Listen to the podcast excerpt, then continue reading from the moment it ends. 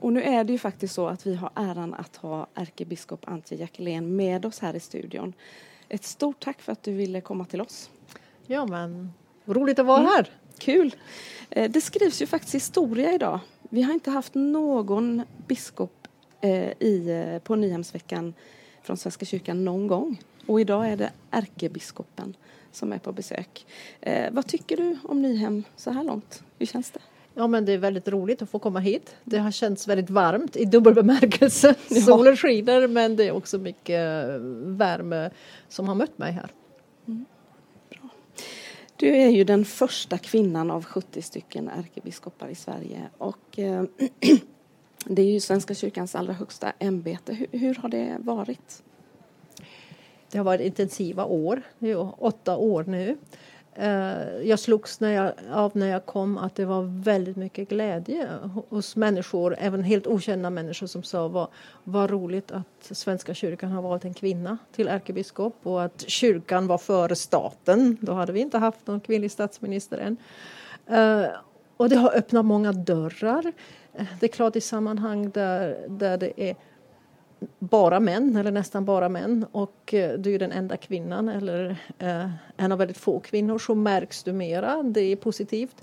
Men sen har det ju också haft skuggsidor att eh, de patriarkala ränderna de sitter djupt och vi vet ju att, och det handlar inte bara om mig utan det handlar om kvinnor i ledande positioner som är väldigt mycket utsatta för eh, påhopp, eh, rent hat och, och hot och så. Mm. Så det har ju också funnits där. Mm. Mm. Vad har din tjänst inneburit? Ja, men det är ju att eh, företräda Svenska kyrkan både nationellt och internationellt. Att inspirera och leda. Att eh, arbeta för enheten i kyrkan och också ekumeniskt. Eh, så det har ju varit väldigt mycket möten inomkyrkliga, mellankyrkliga och mellan kyrka och samhälle, världen på, på olika sätt. Mm. Eh, du måste ju ha träffat väldigt, väldigt många år. Du har varit ärkebiskop i åtta år. Vilken är den mest spännande person som du har mött? Eh, det går nästan inte att säga för eh, varje möte är ju på sitt sätt och eh, eh, det är klart jag har mött många så att säga höjdare på olika sätt i både i den kyrkliga, i den interreligiösa världen, i, i världen, världen så att säga. Men möten med Ja, men med de små barnen som säger varför har du sånt kors? De är, är lika betydelsefulla så att det går egentligen inte att, att lyfta ut något sådär. Jag förstår det. Eh, vad tycker du har varit det absolut viktigaste som du har varit med om i ditt stora vida arbete? Ja, men det viktigaste är ju att se till att kyrka kan vara kyrka. Att gudstjänster firas, att vi... eh, undervisning och lärande om kristen tro som är oerhört viktig i, i, i, dagens svenska samhälle där kunskapen om kristen tro har gått ner väldigt snabbt och väldigt mycket. Att eh, diakoni görs, det vill säga det sociala arbetet och att mission utförs, det är ju det viktigaste, det grunduppdraget. Mm. Att se till att det kan göras så bra som möjligt. Mm. Nu lägger ju du ner staven efter åtta år i oktober.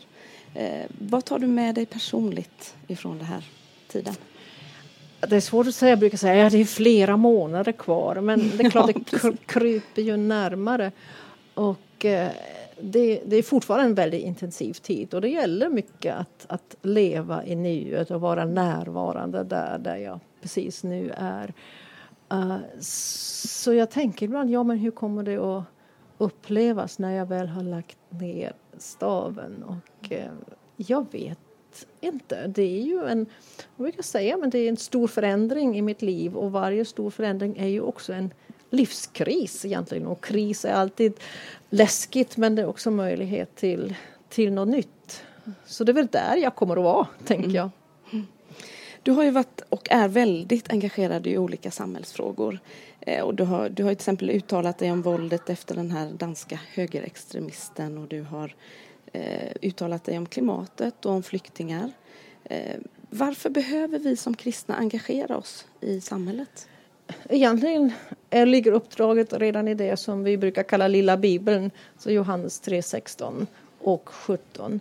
Gud så älskade världen att han gav den sin enda son. Och så står det i 17 versen så att världen ska dömas utan världen ska räddas. Alltså om Gud ger det vackraste uh, för att rädda världen och visa sin kärlek till världen. Då är det klart att vi inte kan liksom isolera oss från världen och säga men det är så farligt. Eller det, Eh, de förstår oss inte. Så, utan vi, vi är ju kallade till att bära den här Guds kärlek som vi har gripits av. Mm. Att också bära den vidare och visa den vidare till, till, till världen. Mm. Nu kan man säga att idag har vi ekum, ekumenik. Eh, Svenska kyrkan besöker pingströrelsen. Eh, varför tycker du att ekumenik är viktigt? Det, vi har, vi har alla evangeliet och Jesus Kristus gemensamt. Sen har kyrkan vuxit som ett träd med olika grenar. Men vi sitter alla fast i samma stam. Uh, och dels ser ju världen oss som, som ett, mer eller mindre. Uh, men, men jag tänker också att vi har så mycket mer gemensamt än som skiljer oss åt. Och framförallt i ett, ett samhälle där ja, men icke-tro ibland, eller ofta framställs som det normala så blir det ju ännu viktigare att vi som delar en tro att vi också talar med varandra och agerar tillsammans, att vi gör tillsammans uh, det som är bättre att göra tillsammans än ensam. Ja, precis. Eh, var och hur tänker du att vi som olika samfund kan mötas och gå tillsammans? Men vi gör ju det ganska mycket i Sveriges kristna råd som ju samlar fyra kyrkofamiljer. Då eh, den frikyrkliga kyrkofamiljen, den lutherska kyrkofamiljen, den katolska kyrkofamiljen och den ortodoxa kyrkofamiljen. Eh, och där eh, arbetar vi ehm, med väldigt många olika frågor. Vi har arbetat mycket med det här barns rätt till andlighet, barns rätt till tro. Vi har engagerat oss mycket i, i frågan om migration. Hur, hur gör vi med att se den människan som kommer som, som en medmänniska som bär på gåvor? Uh, och jag tänker det vi har gemensamt det är också att, att i våra kyrkor, i våra församlingar så kan den som kommer nu från första början vara någon som också bidrar. Bara genom att vara där. Och det är väldigt få platser i samhället där det är på det viset. Uh, så där har vi också mycket gemensamt utrymme och så kan vi hitta den här gemensamma rösten.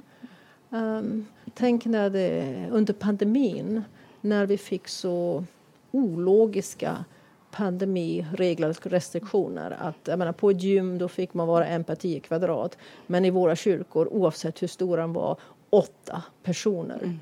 Uh, det var fullständigt orimligt. Och om vi då gemensamt påtalar det så har vi en större möjlighet också att bli, bli, bli hörda. Mm. Fantastiskt. Jag vill säga ett riktigt stort tack för att du kom till oss här i studion efter att du har stått och haft bibelstudium för många människor. Det är jättemånga som hör på radion också. Eh, tack för att du kom och så vill vi önska riktigt mycket av Guds rika välsignelse framåt den tid du har kvar som ärkebiskop och även efter när du har lagt ner staven. Tack snälla, tack så mycket mm. och Guds rika välsignelse också över er i ett arbete med både ord och toner. Tack.